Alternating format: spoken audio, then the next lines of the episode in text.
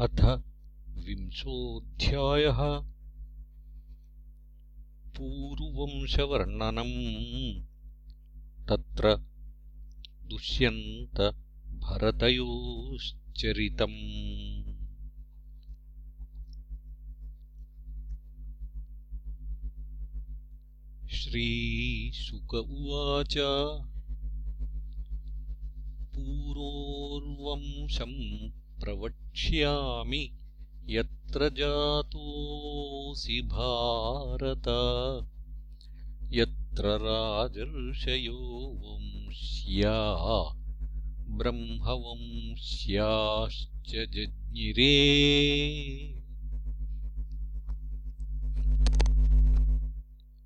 जनमेजयो ह्यभूत्पूरोः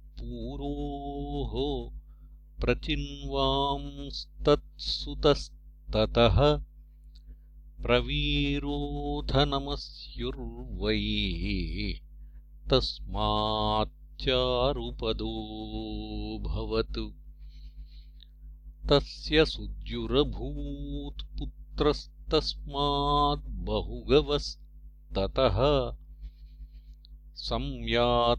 संयातिस्तस्याहम् याती। रौद्राश्वस्तत्सुतः स्मृतः। ऋतेयुस्तस्य कुच्छेयुः स्थण्डिलेयुः कृतेयुकः। जलेयुः सन्ततेयुश्च धर्मसत्यव्रतेयवः दशैतेऽप्सरसः पुत्रा। वनेयुश्चावमः स्मृतः।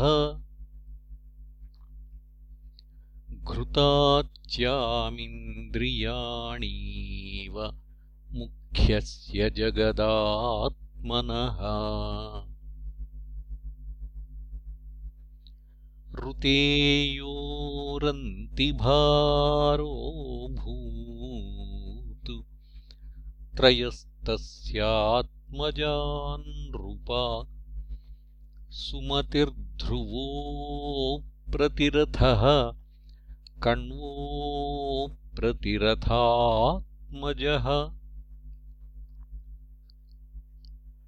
तस्य मेधातिथिस्तस्मात् प्रस्कण्वाद्याद्विजातयः। पुत्रोऽभूत्सुमतेरेभ्यो दुष्यन्तस्तत्सुतो मतः। दुष्यन्तो मृगयाम् यातः। कण्वाश्रमपदम् गतः तत्रासीनाम् स्वप्रभया मण्डयन्तीम् रमामिव विलोक्य सद्यो मुमुहे देवमायामिव स्त्रियम् बभाषे ताम् वरारोहाम् भटैः कतिपयैर्वृतः तद्दर्शनप्रमुदितः सन्निवृत्तपरिश्रमः। पप्रच्छकामसन्तप्तः प्रहसन् श्लक्ष्णया गिरा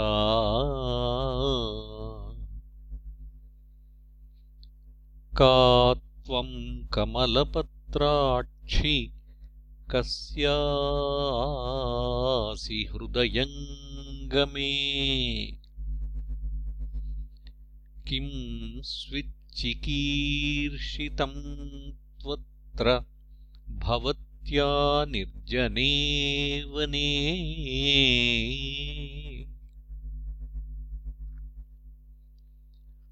व्यक्तम् राजन्यतनयाम् वेद्म्यहम् त्वाम् सुमध्यमे।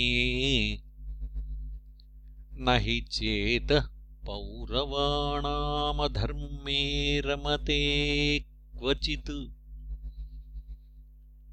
शकुन्तलोवाच विश्वामित्रात्मजैवाहम् त्यक्ता मेनकया वने वेदैतद्भगवान् कण्वो वीर किं करवामते?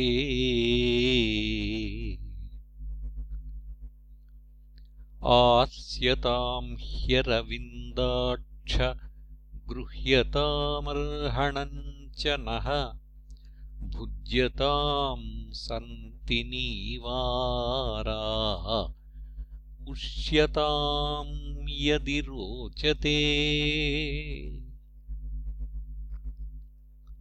दुष्यन्त उवाच। उपपन्नमिदं सुभ्रुजातायाः कुशिकान्वये। स्वयं हि वृणते राज्ञाम् कन्यकाः सदृशम् वरम्।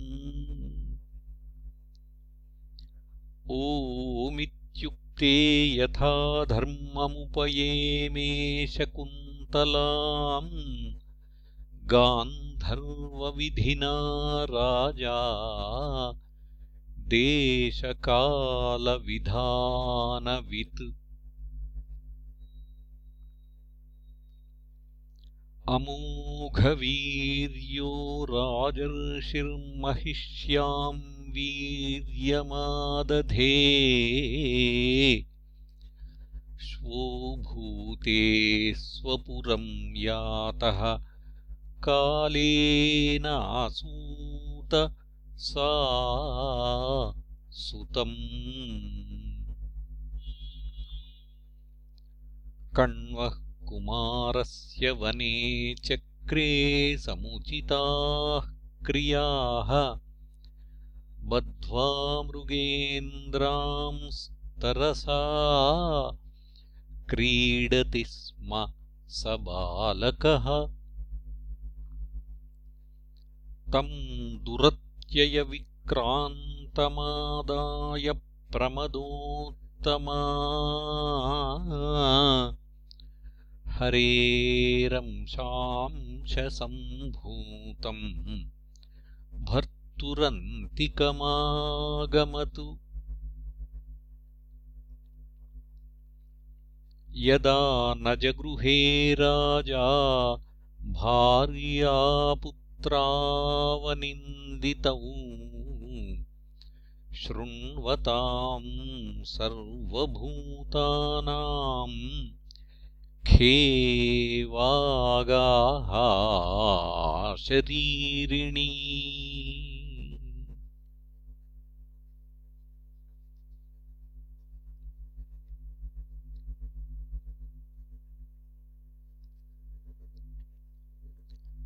माता भस्त्रा पितुः पुत्रो येन जातः स एव सः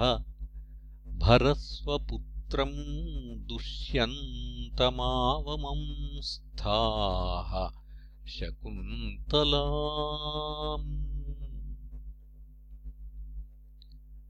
रेतोधाः पुत्रो नयति नरदेवयमट् क्षयात् त्वम् चास्य धाता गर्भस्य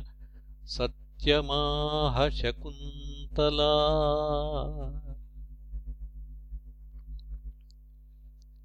पितर्युपरते सोऽपि चक्रवर्ती महायशाः महिमा गीयते तस्य हरेरंशभुवो भुवि चक्रम् दक्षिणहस्तेऽस्य पद्मकोशोऽस्य पादयोः ईजे महाभिषेकेण सोऽभिषिक्तोऽधिराड्विभुः। पञ्चपञ्चाशतामेध्यैर्गङ्गायामनुवाजिभिः मामतेयम् पुरोधाय यमुनायामनुप्रभुः।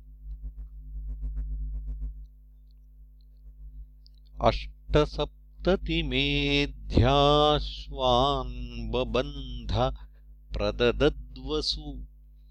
भरतस्य हि दौष्यन्तेरग्निः साचीगुणेचितः सहस्रम् बद्वशो यस्मिन् ब्राह्मणा गा विभेजिरे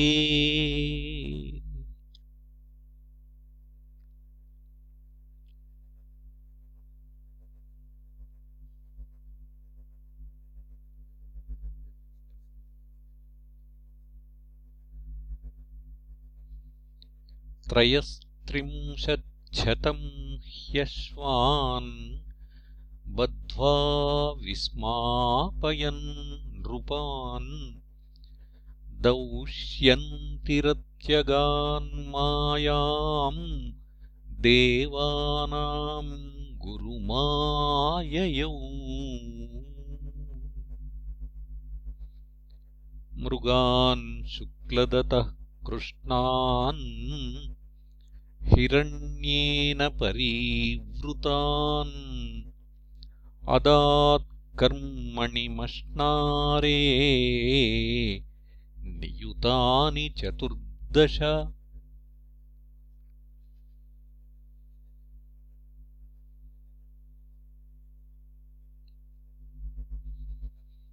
भरतस्य महत् कर्म न पूर्वे नापरे नृपाः नैवापुर्नैव प्राप्स्यन्ति बाहुभ्याम् त्रिदिवम् यथा।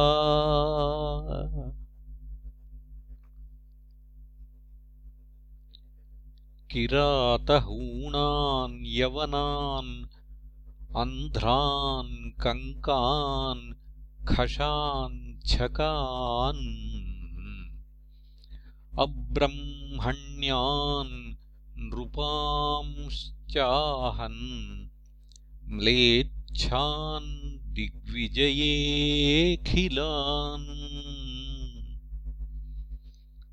जित्वा पुरासुरा देवान् ये रसौकांसि भेजिरे देवस्त्रियो रसाम् नीताः प्राणिभिः पुनराहरतु। सर्वान् कामान् दुदुहतुः प्रजानाम् तस्य रोदसी समास्त्रिणवसाहस्रीर्दिक्षु चक्रमवर्तयत्। स सम्राड्लोकपालाख्यमैश्वर्यमधिराट् श्रियम् चक्रम् चास्खलितम् प्राणान्मृषेत्युपररामः तस्यासन्नृपवैदर्भ्यः पत्न्यस्तिस्रः सुसम्मताः। जघ्नुस्त्यागभयात्पुत्रान् नानुरूपा इतीरिते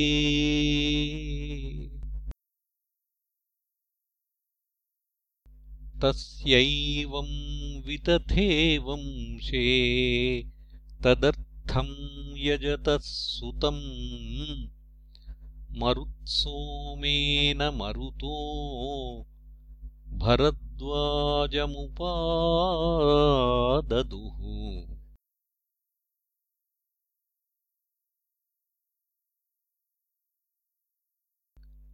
अन्तर्वत्न्याम्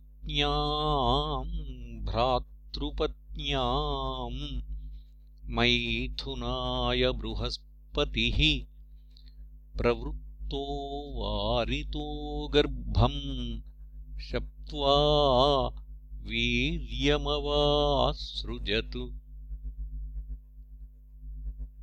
तम् त्यक्तुकामाम् ममताम् भर्तृत्यागविशङ्किताम्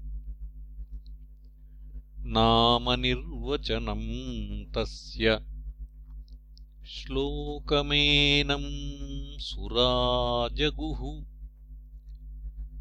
मूढे भरद्वाजमिमम् भरद्वाजम् बृहस्पते।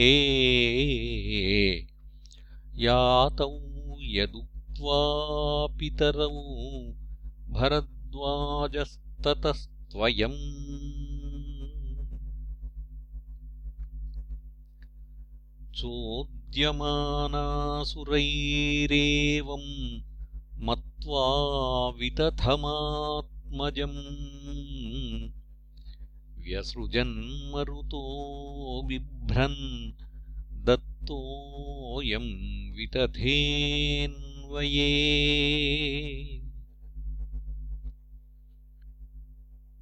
इति श्रीमद्भागवते महापुराणे पारमहंस्याम् संहितायाम् नवमस्कन्धे विंशोऽध्यायः